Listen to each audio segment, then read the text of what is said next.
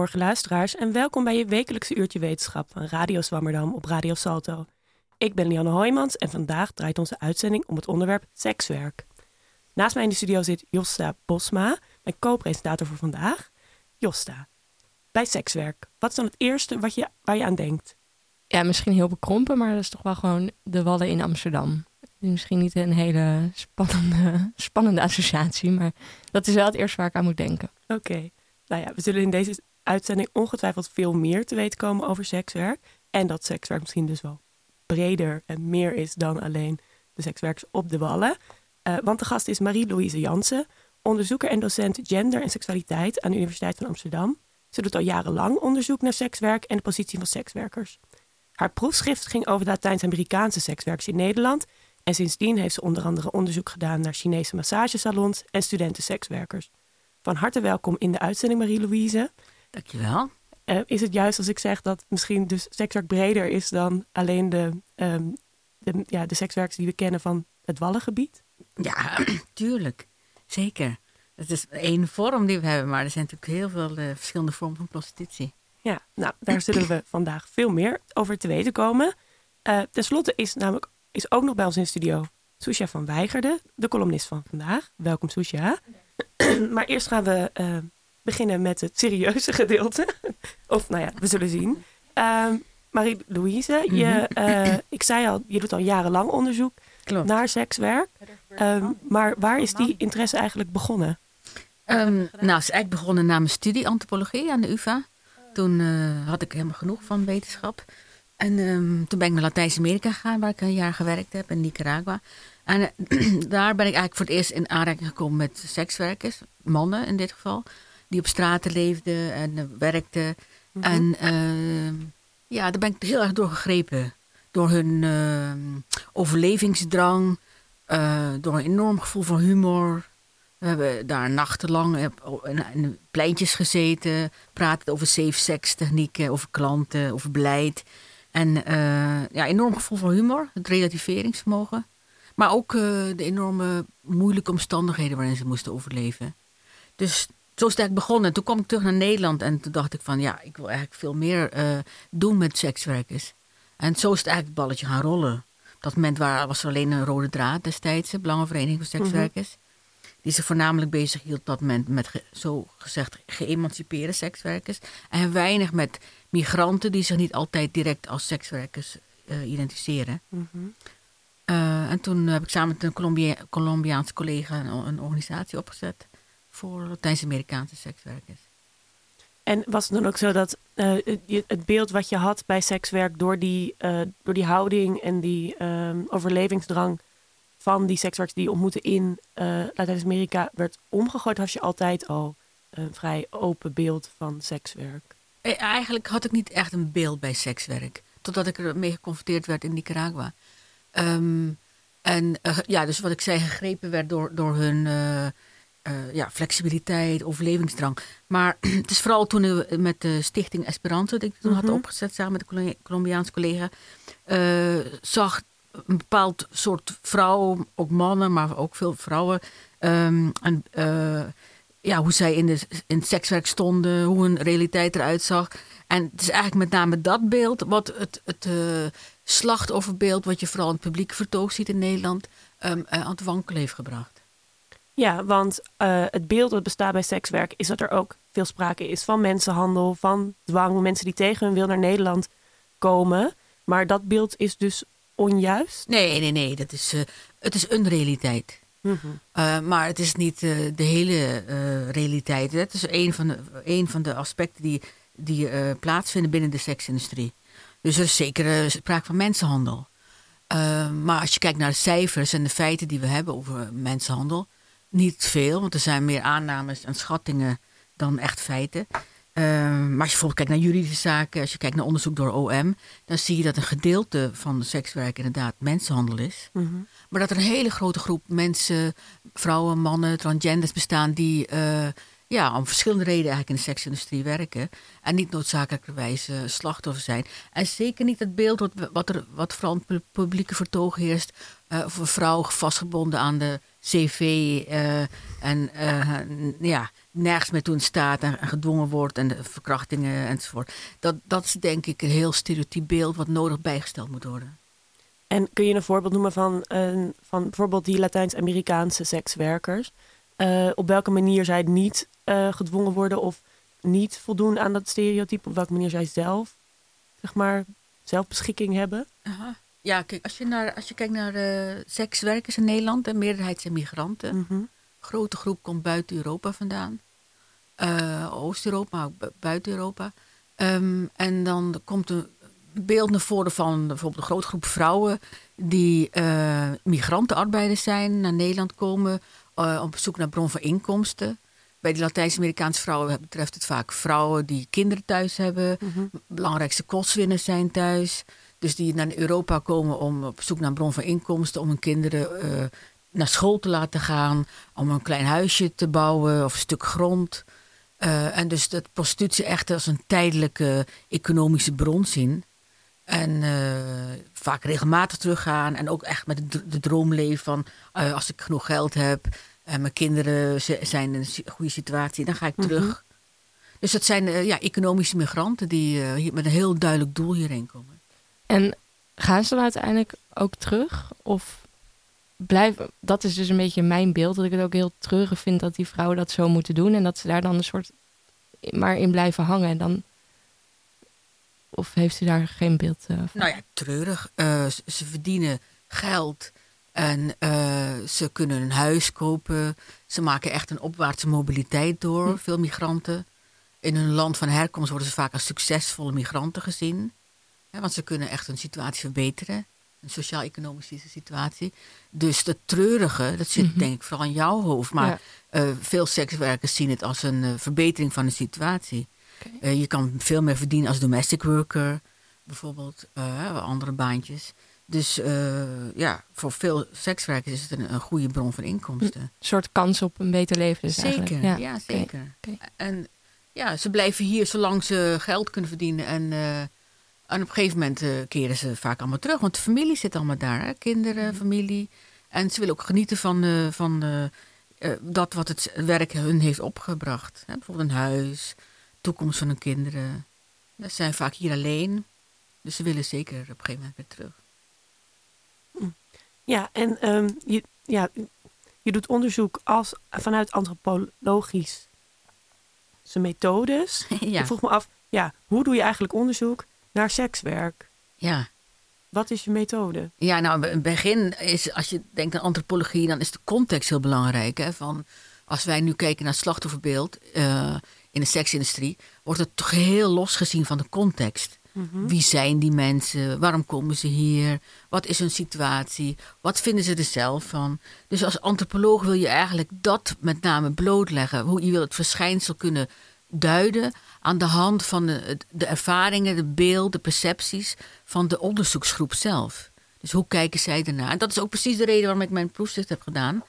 eh, een onderzoek heb gedaan. Omdat ik wilde weten, wat wij hebben allerlei ideeën over sekswerkers. Maar co- correspondeert dat wel met de beelden en de ervaringen eh, van de mensen zelf?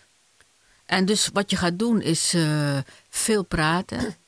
Eh, vertrouwen wekken, eh, opbouwen met mensen. Kijken hoe ze leven. Je wil ze ook in hun eigen leefomgeving proberen te bestuderen. Dus je doet veel wat we noemen participerend onderzoek. En Je gaat daarheen, je gaat naar eh, prostitutiebuurten. Ik ben naar heel veel buurten geweest, variërend tot Heerlijk, Leen, Amsterdam, Den Haag, Arnhem, noem maar op. Ehm, om te zien hoe het nou bijvoorbeeld plaatsvindt. Want heel veel, en met name vrouwen, hebben ideeën over sekswerk. Terwijl ze bijvoorbeeld nog nooit in een sekswerksbuurt geweest zijn. Of nog nooit met een sekswerker hebben gesproken. En dan ontstaat zo'n mening op basis van aannames en vooronderstellingen. En dat is jammer. Want we hebben het wel te maken met een realiteit waar heel veel vrouwen en mannen en Mhm. genders werkzaam zijn elke dag.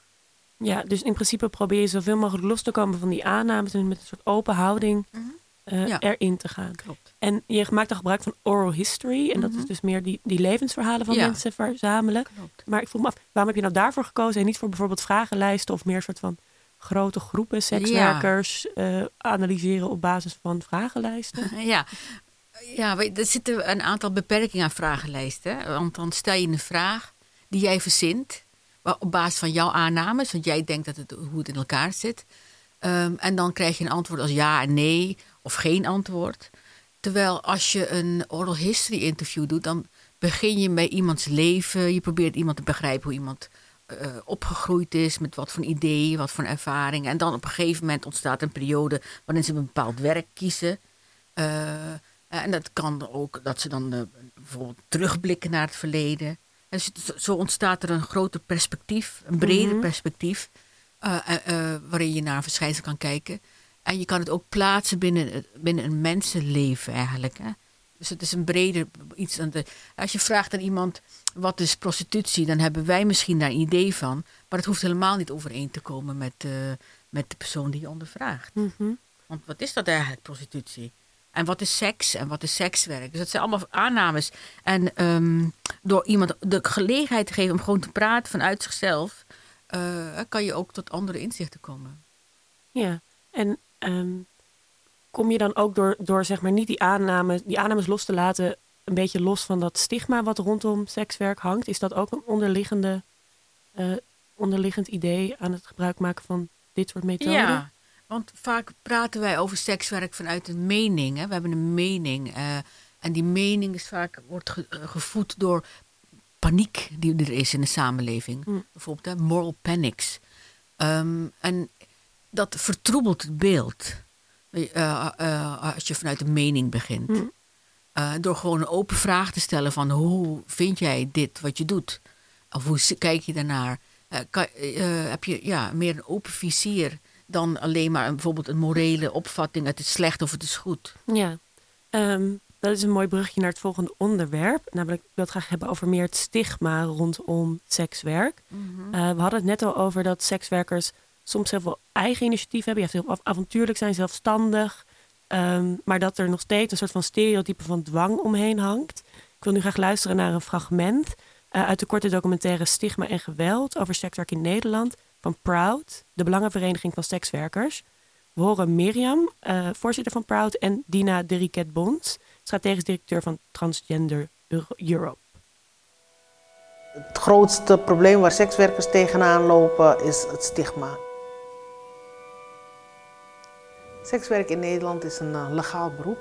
Maar wat je door de tijd heen ziet, is nu worden sekswerkers eigenlijk als illegale behandeld.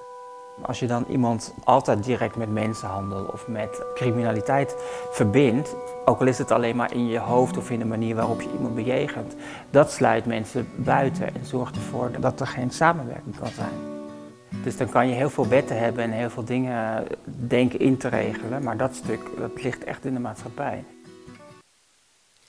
Ja, dus hier horen we al een stukje over het stigma. Zoals je net zei, dat uh, Josta's beeld van dat het triest was, misschien in haar hoofd bestaat. Dat... Ja, nee, ik vind het ook. Ja, ik heb dat beeld wel, maar ik weet ook wel dat er een andere kant is. Maar toch blijft dat beeld is inderdaad heel erg overheersend. Ja. Omdat je gewoon, je hoort heel veel verhalen dat het ook vooral de foute kanten natuurlijk en de mensenhandel en dat is toch wat nu nog de overhand heeft. Dus dat... Ja, dus in de beeldvorming zie je dat dat beeld, het slachtofferbeeld, overheerst. Klopt. Ja, ja, en dat is dan een soort waar ik dan mee worstel altijd. Ja. Dat ik denk van ja, ik weet dat het ook gewoon echt dat mensen dit vrijwillig doen en dat.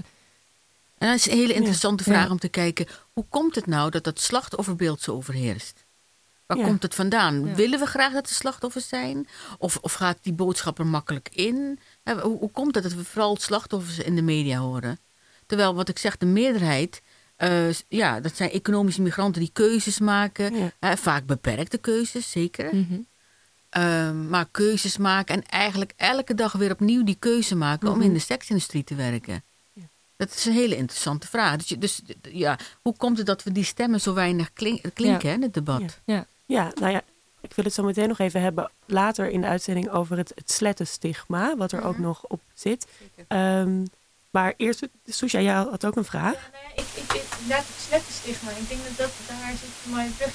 Dus ik denk wat je zelf ook net het eerst toegehaald, denk ik, dan waren werden juist prostituees heel erg neergehaald. En daar werd het neergekeken. En ik denk dat toen in de, in tijd gelopen dat je ziet dat mensen ineens dachten hey, uh, ze kiezen er niet voor, dus ze zijn slachtoffer. En daar ook heel veel schuld, maatschappelijke schuld bij gevoeld, waardoor dat die slachtofferrol versterkt wordt. Omdat er ook daarvoor juist zo'n zo'n neerbuigende houding is. Van, zij kiezen ervoor en zij zijn slecht, en ook in christelijke en negatieve gedachten dat dit eigenlijk de evolutie is van hoe wij naar, naar kijken. Ja. Misschien is dat een meter een haakje voor, voor het Ja hoor, ga er maar op in. Maar die evolutie die bestaat uit meerdere dingen. Vanaf de jaren 60, 70 zie je ook dat veel meer sekswerkers zich organiseren. Mhm. en juist dat, dat, dat slachtofferbeeld proberen bij te kleuren op basis van hun eigen ervaringen. Dat is ook een onderdeel van de evolutie, als je het hebt over evolutie. Uh, hoe, hoe, komt het dat wij zo weinig die stemmen, uh, dat, die, dat die stemmen zo weinig klinken in het debat? Uh, want um, sekswerkers worden, organiseren zich steeds meer wereldwijd. Er komen veel meer, steeds meer organisaties die opkomen voor het belang van sekswerkers.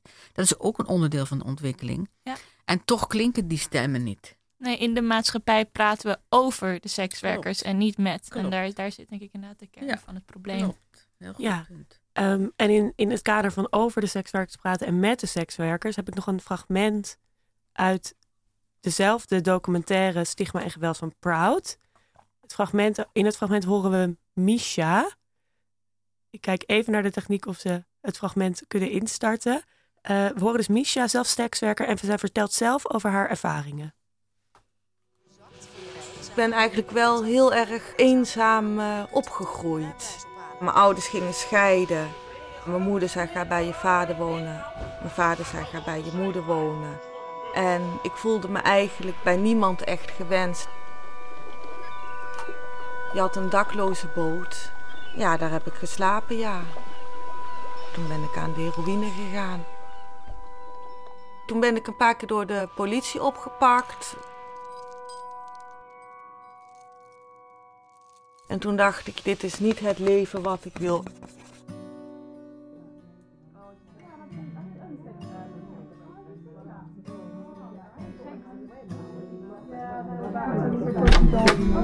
Welkom.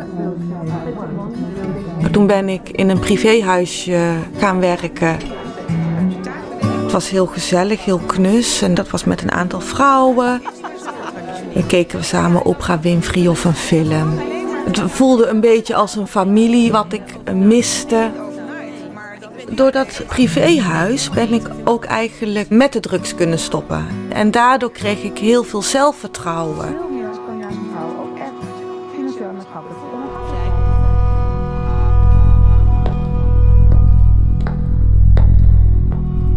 Afgelopen januari.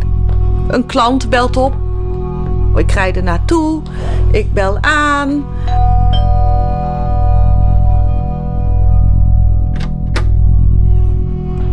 Zegt die man, hij is van de politie. En de kenmerken is, en dat is het mooie. En toen ineens kwamen er uit allerlei deuren verschillende gespierde kerels uitspringen. Ik denk dat deze mevrouw zal worden aangesproken op kader van de openbare orde. De politie zegt, je moet onmiddellijk je advertentie van Kinky halen. En ook met mijn werk als belastingbetalende escort stoppen.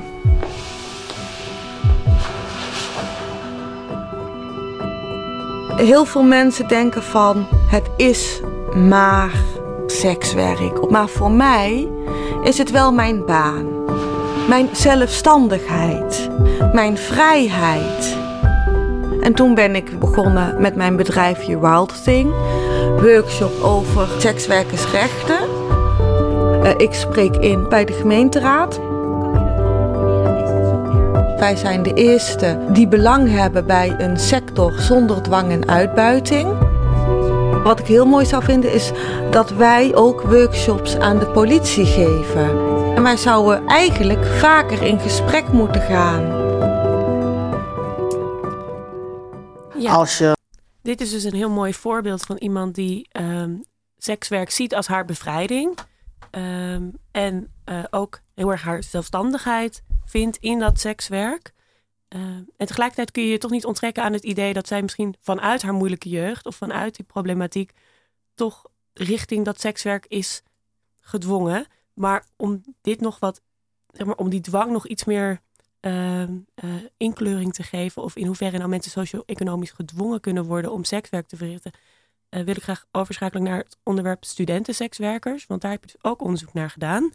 Ehm, en ontkrachten zij het beeld dat je socio-economisch dan wel gewoon gedwongen wordt om seks te... Ja, zeker. Dat is een van de redenen waar- waarom het ook interessant vond om te kijken naar deze groep. Het, omdat het laat zo goed zien dat sekswerkers een hele diverse groep mensen zijn. Eh, en dat beeld wat wij hadden, wat ik net noemde, van de eh, slachtoffer gebonden aan een cv.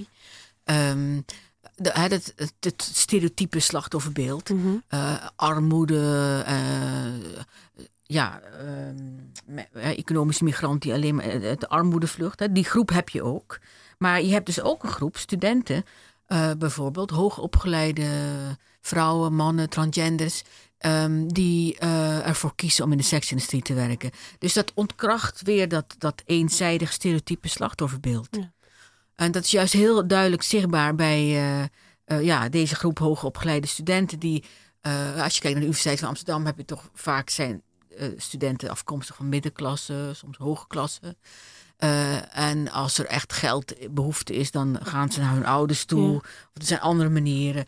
Eh, maar toch kiezen deze mensen dan voor eh, een baan in de seksindustrie. Dus dat geeft aan dat er ook andere motivaties zijn dan alleen maar geld. En wat zijn dan die motivaties? Nou, de redenen die de studenten noemen voor ons, onders- ons onderzoek was be- variërend van ehm, avontuur, onderzoeken van seks, ehm, snel veel geld verdienen, eh, heel flexibel. flexibel. Je kan s'avonds uh, webcammen, of je kan het een week doen, twee weken. Het is een hele flexibele eh, structuur.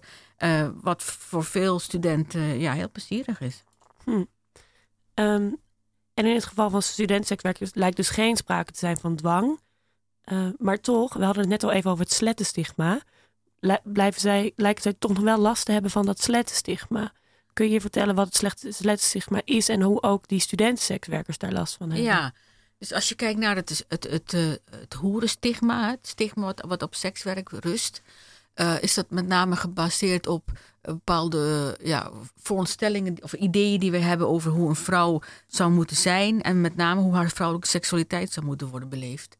Eh, en op het moment dat een vrouw ehm, meerdere sekscontacten heeft, eh, en dan helemaal als dat niet gebaseerd is op een langdurige relatie, en dan wordt zij eigenlijk eh, ja, eh, moreel verworpen, hè, als een slet gezien. Mhm. Ehm, en dat is interessant, want datzelfde, die, die, diezelfde standaard gebruiken we niet als mannen bijvoorbeeld heel veel seksuele contacten hebben, zonder dat het gebaseerd is op een langdurige Ja. relatie. Dus hier zie je heel duidelijk een dubbele standaard, hè, een dubbele standaard, seksuele standaard die gehanteerd wordt. Maar is dat ook niet een beetje aan het veranderen nu? Dat mannen misschien ook meer zo gezien worden? Ah, Ik dacht je ging zeggen dat mevrouw iets minder gezien Ja, dat, zouden dat ook. Maar, maar ik bedoel ook de andere kant op. Ik denk dat, dat vrouwen dat ook zelf veroorzaken. Dat vrouwen elkaar dan ook zo gaan beoordelen. Nou, dat is interessant je dat zegt. Want als je kijkt wie, wie eh degene zijn die deze st- sekswerk stigmatiseert, dan komt dat, dat slettenstigma voornamelijk van vrouwen, inderdaad. Dus vrouwen onderling houden dat in, in, stand. Dat is een slet en je moet niet met haar omgaan en daardoor iemand isoleren. Maar of dat bij mannen zo is, ik, ik, ik heb dat zelf niet echt zo ondervonden en, en ook niet gezien in mijn onderzoek. Maar ja, het zou interessant zijn om dat te bekijken. Maar zover ik dat kan zien, is Ja. dat niet echt het geval. Hm. Ik denk, als het zo is, zijn het weer de vrouwen die dat ja, stigma ja. ja, ja, ik denk vanuit Ja. mezelf, zeg maar. Dus Ja. dan, En Maar- dat is interessant om te kijken, hoe komt het nou dat die vrouwen dat nou in, in stand houden?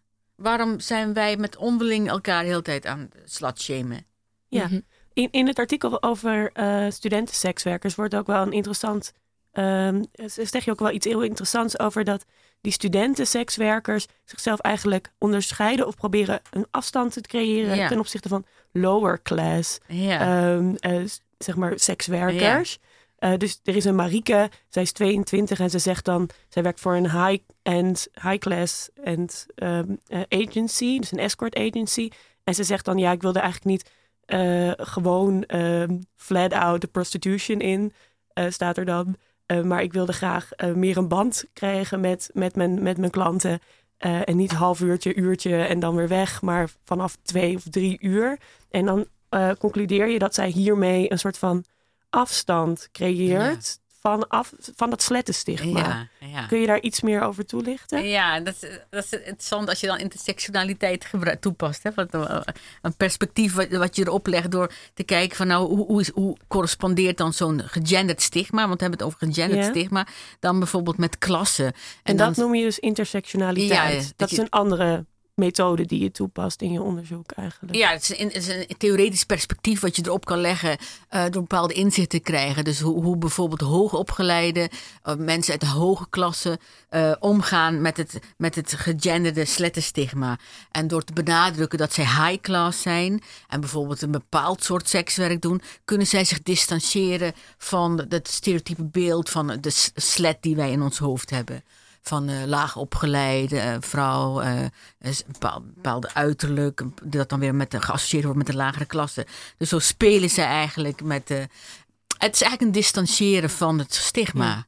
Door een andere kanten te benadrukken, in dit geval klasse. En hou je daarmee niet ook het stigma dan in stand? Want zij, zeg maar, ze zeggen dan wel dat de, de lower class um, ja. prostituees de gewone prostituees ja. dan de echte sletten zijn. Ja, zo zou, je, zo zou je dat inderdaad kunnen stellen. Dat je dan het stigma in stand houdt. Uh, je, je, bevraagt het in ieder geval niet. En je hm. probeert het te compenseren door, door met name te zeggen... Ja, ja, maar ik ben high class. Waardoor het inderdaad in stand blijft. Dat is jammer. Maar het heeft echt te maken met stigma. En uh, de grote druk die ook ligt op studentensekswerkers... Uh, uh, dat ze gestigmatiseerd worden en dat ze bang zijn om dat in hun cv te noemen. Mm -hmm. Of bang zijn dat dat implicaties heeft voor een baan die ze later willen krijgen. Laat, bijvoorbeeld bij de ambassade of waar dan ook.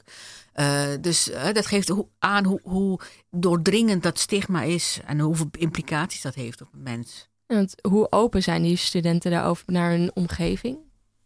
Nou, ons indruk was uit het onderzoek heel eigenlijk dat ze heel geïsoleerd zijn. Ja. Dus niet open zijn vanwege het stigma. Hm. Het zeker niet aan hun familie vertellen.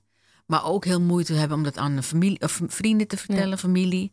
En zeker dus inderdaad aan vrouwen. Want ja, dan, dan komt het slettenstigma tegelijk om de hoek kijken. Uh, ja, en, en, vrezen voor, voor uh, dat ze toch een bepaalde uh, ja, slecht daglicht komen te staan. Ja. Ook naar hun docenten toe wordt er heel moeilijk over gedaan. Bang dat ze niet serieus worden genomen in hun wetenschappelijke carrière. Nou, dat is heel jammer. Ja, ja want, uh, sorry, nog één vraag. Ja, hoe, uh, hoe, groot is de groep uh, die je hebt ondervraagd? Hoe, heb je een idee hoe, hoeveel studenten in, in het sekswerk zitten? Ja, ik heb even de cijfers nu niet oh. Volgens, paraat. volgens mij waren, het, waren er in. Gewoon om het een was idee een vragenlijst van 440 Klopt, studenten ja. of okay. iets dergelijks. En daarna hebben ze nog focusgroepen gehouden hm. met verschillende Klopt. groepen studenten. Zowel mensen die, die um, uh, sekswerkers waren, als mensen die dat ook serieus overwogen hebben. En dan nog een groep hm. gewone studenten. Okay. Of nou, studenten die niet noodzakelijkerwijs daar geïnteresseerd in waren. Volgens mij was dat meer de methode. Ja, en ik zie echt in, in, de, in, in, de, in de klas zeker in de lessen die we geven over gender en seksualiteit, is dat er meestal één, soms twee sekswerkers in de klas zitten. En uh, dat is met name de laatste jaren valt me dat op. Hm. En dan komen ze naar me toe daarna, of het, op een andere manier wordt het duidelijk. Uh, dus het is, het is wel een, een, een, ja, een, groep waar we rekening moeten, mee moeten houden, ook binnen de UvA, omdat het een kwetsbare groep is, ook voor geweld. Ja. En het is best een grote groep, vind ik. Als je zo. Ja. Nou, um, heel interessant allemaal. We hebben het gehad al over stigma, de slachtofferschap. Maar we moeten ook nu door naar de column van Susha. Moet niet, mag wel. Nou, mag wel. ik, uh, ik, wil er, ik wil wel even wat uh, verlichting. Want het zou luchtig worden, toch? Ik, uh, ik ga mijn best doen voor okay, jullie. Nou, brand los. Dank je. ja, ik heb een column geschreven over het betalen voor seks bij dieren. En ik begin even met wat theorie, want we moeten even goed de overstap maken van we zijn niet meer met mensen bezig. Um, het begint eigenlijk bij seks. Wat, wat is seks? Nou, seks mm-hmm. dat is voor de seksuele reproductie. Dus het gaat om vermenigvuldigen. En dat doen sommige soorten met seks, omdat je dan de genen gaat mixen. En het is heel fijn om gemixte genen te hebben in je nakomelingen, want dan heb je meer variatie in de soort en dan is de kans op overleving groter. Want als we met elkaar allemaal gaan klonen, nou, dat, dat is voor sommige soorten niet altijd de juiste oplossing. Sommige wel, maar daar hebben we het niet over, want het gaat over seks. Ehm, er is onderscheid in seksen als we het hebben over seksuele, reproductie.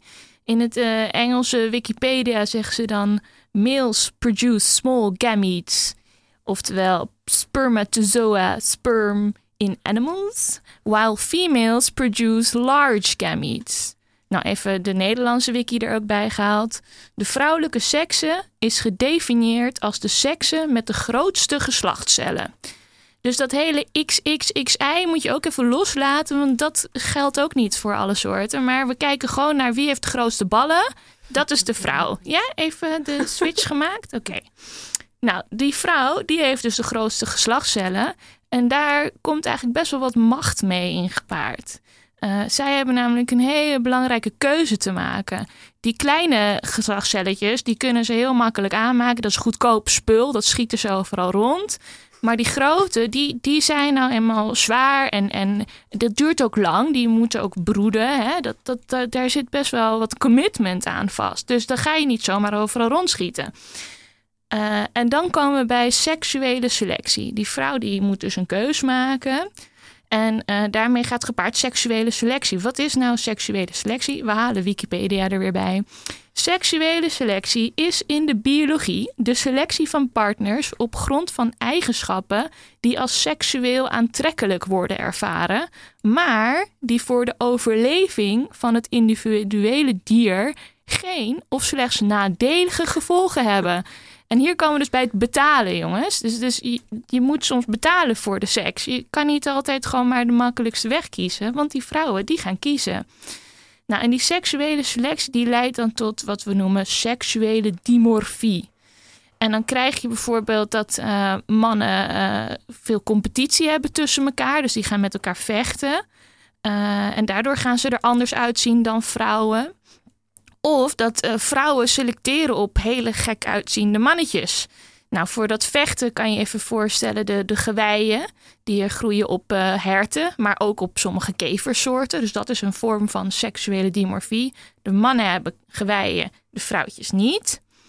En we hebben ook nog de, de aantrekkingskracht voor die selectie van vrouwen. Namelijk uh, de pauwen en de paradijsvogels. Die allemaal hele mooie, maar hele onhandige veren produceren. Om nou maar zo aantrekkelijk mogelijk te zijn voor die vrouwtjes. Oké, dit was even een stukje theorie. En dan gaan we nu, wat ik altijd het leukst vind bij de biologie, een heel gek extreem voorbeeld uitlichten. We hebben namelijk de anglerfish, oftewel in het Nederlandse wiki noemen ze hem vinarmige. Maar ik vind anglerfish iets meer tot de verbeelding spreken. Dat is zo'n vis met zo'n hengeltje in het diepste van de zee. In Finding Nemo heb je hem vast gezien. Er zijn meerdere soorten die er allemaal ongeveer zo uitzien. Uh, we gaan ons een beetje richten op een klein groepje daarvan. Die zijn ongeveer 90 centimeter lang, dus best groot. En ze zijn heel zeldzaam. Dus je moet even bedenken dat zo'n hele grote diepzee met één visje, ja, van 90 centimeter lang met zo'n hengeltje.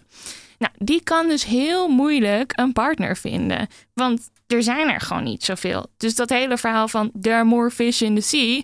Ja, maar waar zijn die dan? Want waar ik zwem, daar zie ik er geen. Nou, die vissen werden overal gevonden, maar dat waren dus allemaal vrouwtjes. Oftewel met van die grote ballen, die eitjes, ja. En die werden gevonden met allemaal parasieten erop. Dus dat was een beetje een gek verhaal, maar ze waar zijn die mannetjes nou? Nou, die parasieten, die kleine wurmpjes die er zo aan hingen, dat waren de mannetjes. Wat is daar gebeurd? Nou, die mannetjes, dat zijn dus hele kleine visjes.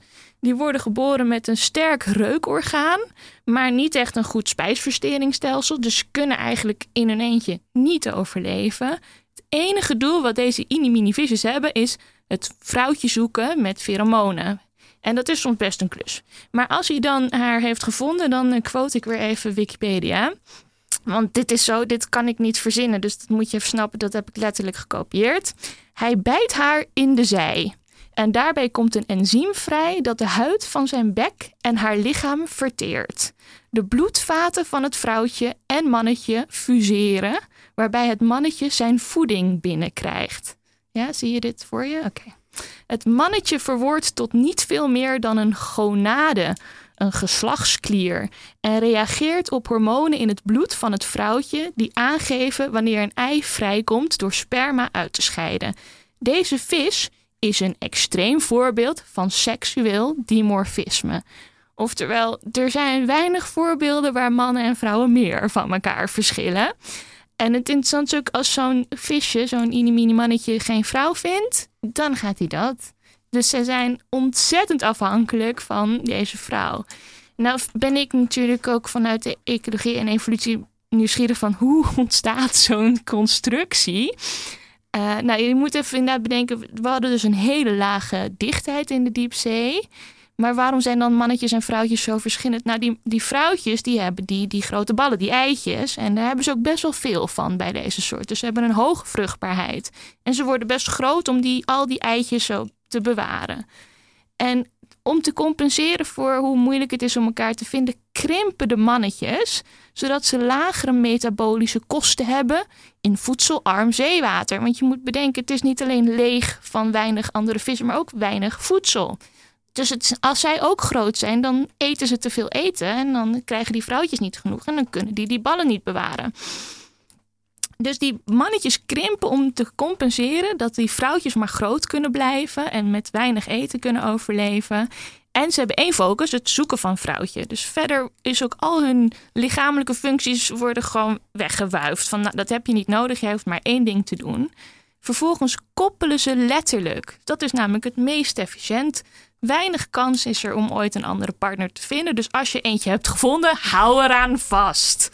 Nou, deze symbiose, dat, ik vind het een prachtig voorbeeld van, van kiezen en delen, van afhankelijkheid, maar ook van, van ja, het samenwerken tussen soorten. Die, deze soorten hebben zo'n. Uh, nou, het is parasitair zou je kunnen zeggen, maar ze hebben opofferingen gedaan om als soort te kunnen overleven. En, en die mannetjes die betalen misschien wel in hun spijsverteringsstelsel voor de seks, maar ze krijgen er ook alweer een, een overlevingsstrategie voor terug. Dus dat was uh, mijn verhaal voor deze column. Nou, dankjewel, Susha. dus we leren hiervan dat je zelfs je leven, met je, met je leven kan betalen voor seksualiteit in het dierenrijk. Ja, je hebt wel wat vrijheid die, die het mannetje opgeeft. Nou, nu vraag ik me ook wel af wie nou precies wat betaalt. Want dat vrouwtje zit ook met een parasiet die op haar spijsverteringskanaal zit aangesloten. Ja, die zit er ook maar aan vast. Dus, ja, de, de, de vrouw heeft ook weinig keus eigenlijk, zou je kunnen argumenteren in deze setting. Maar Ehm, dit is, ja. Nou, ja, ik weet niet, heeft iemand nog reflecties op eh, deze column? Nou, ik zie even de link met sekswerk minder. Met sekswerk. Nee, het ging, ik dacht betalen voor de seks. Nou, wat is het ultieme betaalmiddel? Het is je hele leven opofferen om, er maar, om maar seks te hebben. Maar, maar ja, gelukkig is dat niet het geval uh, bij sekswerk in, uh, in het, nee, mensenrijk. We zijn wel iets meer ontwikkeld. Ja. Gelukkig wel. We, we, we, hebben een andere omgeving en onze context dwingt ons hier gelukkig maar, niet toe. Uh, je column roept ook wel vragen over, op over... Um, je zei dat seks is voor de vermenigvuldiging en de voortplanting. Hmm. En dat is interessant. Ja. Ehm, want we gaan het in het komende 20 minuten nog hebben over wat nou precies seks en sekswerk is. En daarom wil ik uh, nog even teruggrijpen op waar we het voor de column van Socia over hadden, over de studentensekswerkers. Want ik heb gelezen in het artikel wat je hebt geschreven, Marie-Louise, um, dat studentensekswerkers soms helemaal niet hun werk als sekswerk Ja. zien. Hoe kan dat? Ja, want kijk, het hangt vanaf natuurlijk hoe je seks definieert. Zoals we het net hebben gehoord, wordt seks gedefinieerd als reproductie. Maar er is maar heel weinig seks wat dient voor de reproductie bij mensen. Dus eh, al die andere seks die mensen hebben, eh, ontstaat aan de hand van lust, eh, ontspanning, sensatie, fantasie. Mhm. eh, en nieuwsgierigheid. Er zijn heel veel redenen waarom mensen seks hebben zonder dat het met reproductie te maken heeft. Eh, dus het is een hele eng- enge definitie van seksualiteit. Eh, en als je dus een sekswerk wil bestuderen, of Mhm. daarnaar wil kijken of begrijpen, zal je dat moeten oprekken, dat die hele definitie van seks. Ehm, en dat zie je inderdaad bij eh, bijvoorbeeld eh, dat vers- verschijnsel van inderdaad studentensekswerkers, ehm, die dan ehm, bijvoorbeeld eh, contact hebben met oudere mannen, bijvoorbeeld, eh, die, en de- waarin ze bijvoorbeeld eh, naar feestjes gaan, wat misschien helemaal niks met seks te maken heeft, maar meer met erotiek of eh de idee geven van een love relation. Mhm. Ehm, dus eh, ja, en zo heb je allerlei grijze gebieden binnen de seksindustrie, waarin je je af kan vragen: wan- wanneer is het nou seks eh, bijvoorbeeld bij het onderzoek uit de Chinese massagesalons kwam het duidelijk Ja. naar voren dat eh, de vrouwen zeiden, masseuses, in het begin van het onderzoek, ja, we hebben helemaal geen seks met die klanten. Ja, want dat gaat dan om Chinese massagesalons waar ook de zogenaamde happy endings worden gegeven, toch? Klopt, ja. Hè, dus de handjob. Ja. Eh, en in het begin vroegen wij dus van, nou, hebben jullie ook seks met die klanten? Mhm. Idee van wat wij onder seks verstaan. Ehm, en ook wat we, zoals we dat in de seksindustrie verstaan. En de reguliere seksindustrie. En heel vaak zeiden die vrouwen, nee, we hebben helemaal geen seks. Eh, Het enige wat wij doen is we masseren het lichaam. En de piemel is een onderdeel van het lichaam. En eh, als er dan een sprake is van erectie tijdens de, de massage, dan maken we de klant gelukkig. Ja. Zonder het hele woord prostitutie of sekswerk te noemen. Dus zo met die. Zo, en je kan je natuurlijk afvragen hoe, hoe komt het dat deze vrouw het op deze manier eh, construeren, de betekenis. Want eh, er zit natuurlijk veel meer achter. Want zodra er een seksuele dienst wordt verleend binnen een eh, massagesalon, moet er ook een vergunning worden aangevraagd. En dat is niet het geval bij de Chinese salons. Dus er zijn, het, het, het, het ligt complexer. Maar het is wel interessant van eh, wat is seks en is een happy ending dan bijvoorbeeld seks als er sprake is van een handjob Ja. en een onderdeel van een massa masseuse, massage. Ja. En dat die vrouw zelf, de masseuse, het niet noemt als een Nee. seksuele dienst. Ja, want ik heb begrepen dat de, de gemeente die gaat dan eh, die, die doet onderzoek naar die massagesalons en die Mhm. eh, gaat dan op zoek met een lamp naar spermasporen. En dat is dan, dat vond ik op zich een interessante overweging ook in dat artikel, dat dat dan dus blijkbaar het bewijs van seks is. Ja. De, de, de, de ejaculatie, maar dat geeft dus ook weer een heel smal beeld van Ja, seksualiteit. Want je kan je afvragen, hoe zit het dan met vrouwelijke klanten? Ja. Ejaculeren die ook op de muur? En eh, die kans is klein, denk ik. Ja. Maar eh, dus dat betekent een bepaald soort seksuele dienstverlening dan eigenlijk eh, wordt opgespoord. En op grond daarvan een salon gesloten wordt. Dus eigenlijk hebben lesbiennes het voorlopig nog eh, rustig. Eh, en kunnen ze nog steeds genieten van de dienstverlening. Maar eh, ja, dus in dat, je ziet dus dat zo'n overheid of, of zo'n eh, belastingconsulent hè, die dat moet controleren. ehm, eh, eh, bepaalt wat, er- wat seks is en wat een seksuele dienst is. ja. Terwijl er natuurlijk heel veel diensten zijn die dan eh, eigenlijk niet opgespoord worden. Ja, ik vind het wel interessant, want we hebben het vaak veel over het woord seks. En ik denk, er zit hier ook een taalkundige uitdaging. Want zo inderdaad, in de biologie definiëren we seks als voor de seksuele reproductie. Dus echt het Ja. vermenigvuldigen. Dus eigenlijk is al het sekswerk waar we het nu over hebben... valt niet binnen de eh, term seks zoals we die in de biologie definiëren. Klopt. Ja. eigenlijk zou je kunnen zeggen van daar zou een andere bewoording voor moeten zijn. Want het gaat niet over vermenigvuldigen. Het gaat om plezier, over lichamelijke... ja, dus het zou heel interessant zijn om wat, wat meer over seksueel plezier te hebben. ja. En dan kom je uit een hele grote variatie terecht. Hè? Want er zijn heel veel eh, praktijken, handelingen, diensten die, die eh, eh, ja, op seksueel plezier slaan. Ja. Enorme de industrie ook, die gebaseerd is op seksueel Ja. plezier. Ja, en waar misschien ook veel minder een stigma aan hoeft te hangen. Want dat, dat stigma komt misschien ook wel... Nou, eh, Ja. Ik zie jou knikken. Volgens mij ga je daar al verder op in. Nou ja, ik- ik, wil nog toch nog even terug naar dat stigma. Want ondanks dat je dan dus kan zeggen, nou ja, dit is misschien geen seks in de zin van die hele smalle definitie. En eh, ondanks dat je ze- zegt, mensen, sekswerkers willen dit zelf. En eh, zeg maar, kiezen hiervoor in vrijheid. Toch heb je het gevoel, ik althans nog steeds, eh, dat sekswerk anders is dan normaal, even tussen Ja. aanhalingstekens, Mhm. werk. Mhm. Ehm, ik, zou je kunnen verklaren waar dat gevoel dan vandaan komt? Ja, dat is, nou, verklaren, dat is een interessante vraag inderdaad. Eh, hoe komt het dat wij zo moeite hebben met sekswerk? En een van de redenen is denk ik dat wij seks nog steeds koppelen aan liefde of aan reproductie. Ehm, en eh, eh, ja, dus moeite hebben als seks wordt vercommercialiseerd. Mhm. Of ja. intimiteit. Hè, dus dat, dat, dat, die- dat, dat scheiding tussen seks en liefde, daar hebben we denk ik heel veel moeite mee. Maar ook het idee van monogamie, wat ik net hoorde. Hè, dat is natuurlijk ook een onderliggend taboe wat overschreden wordt bij eh, de seksindustrie. Wat vreemd is, als je kijkt dat in Nederland één op de drie eh, huwelijken scheidt. Dus je zou zeggen, waarom houden we ons zo vast krampachtig aan dat monogamie-ideaal? Eh, maar dat, ja, dus de, se- de sekswerk overschrijdt die taboes.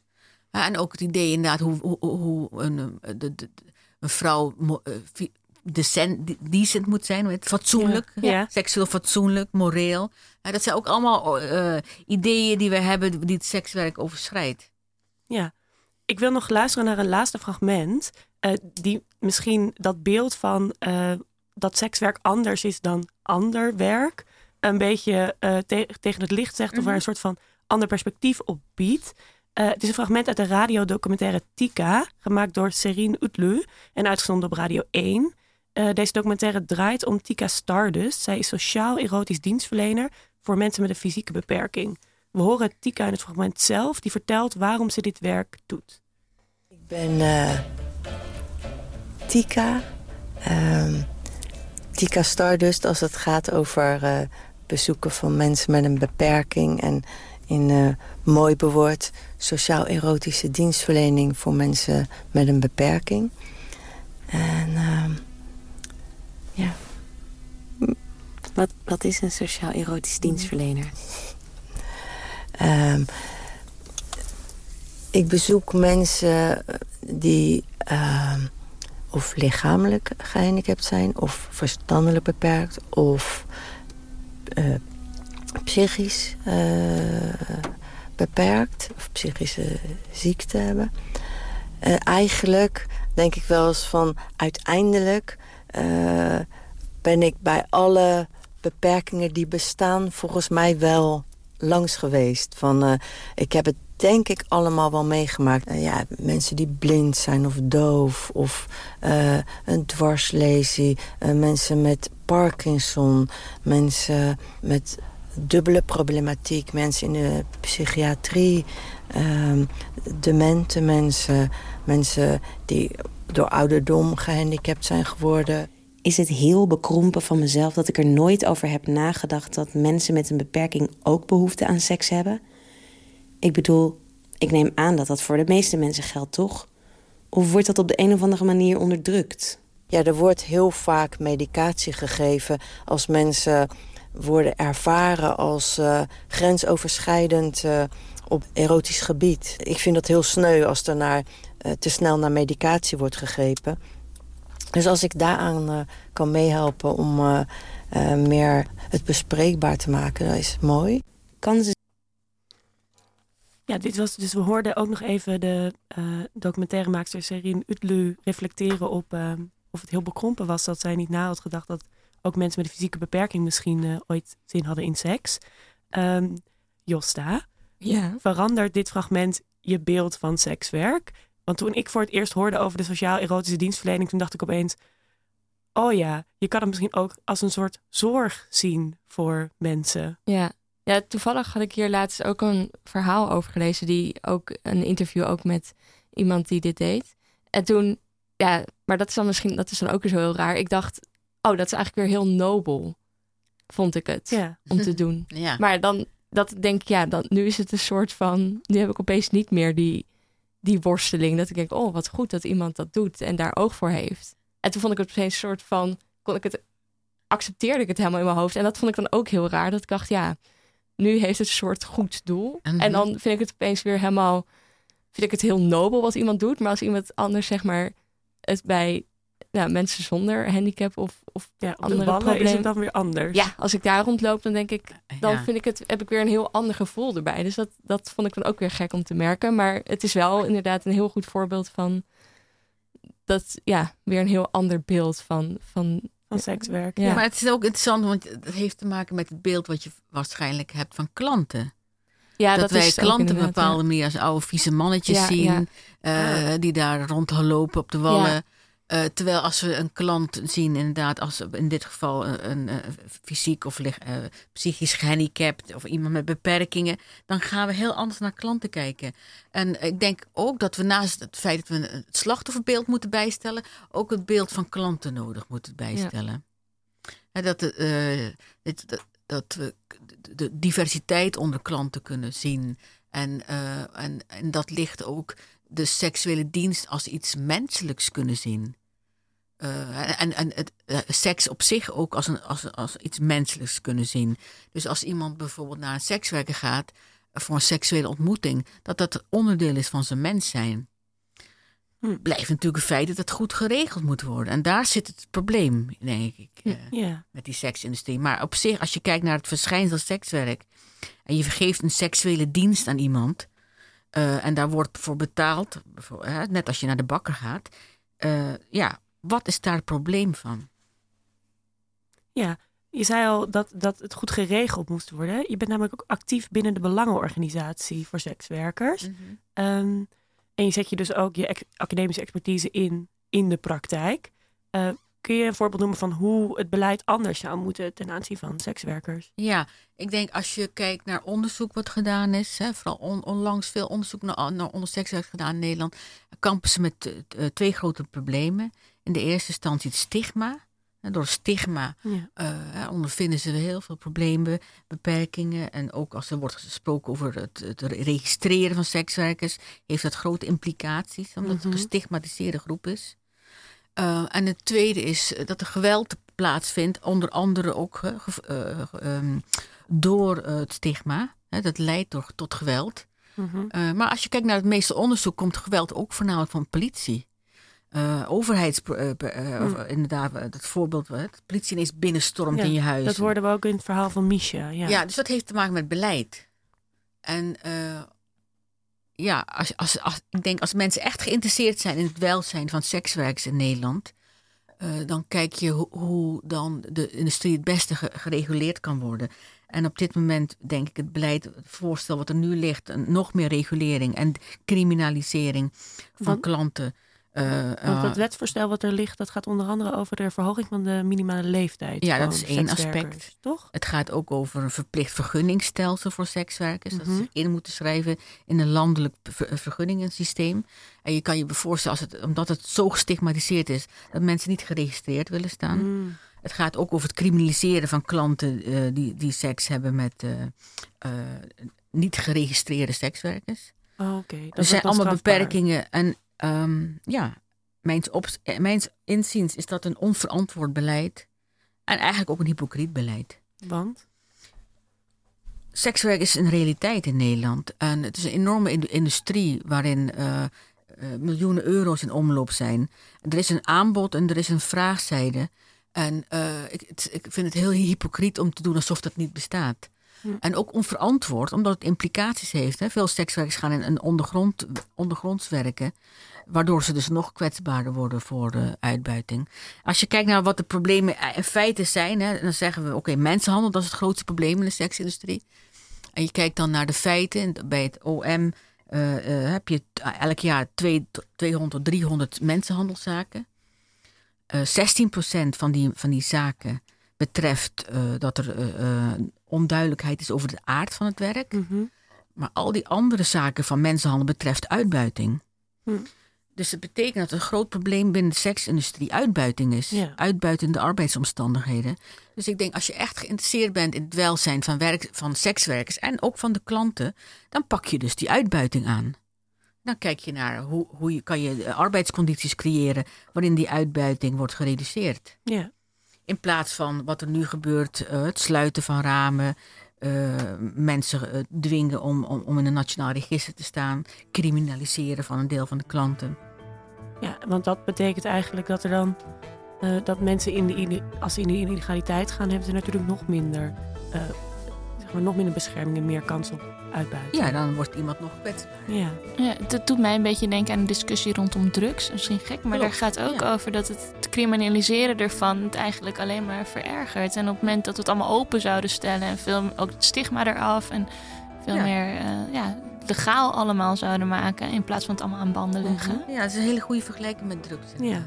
Nou, eh, ik hoorde eindtune al. En dat betekent dat de uitzending er alweer op zit.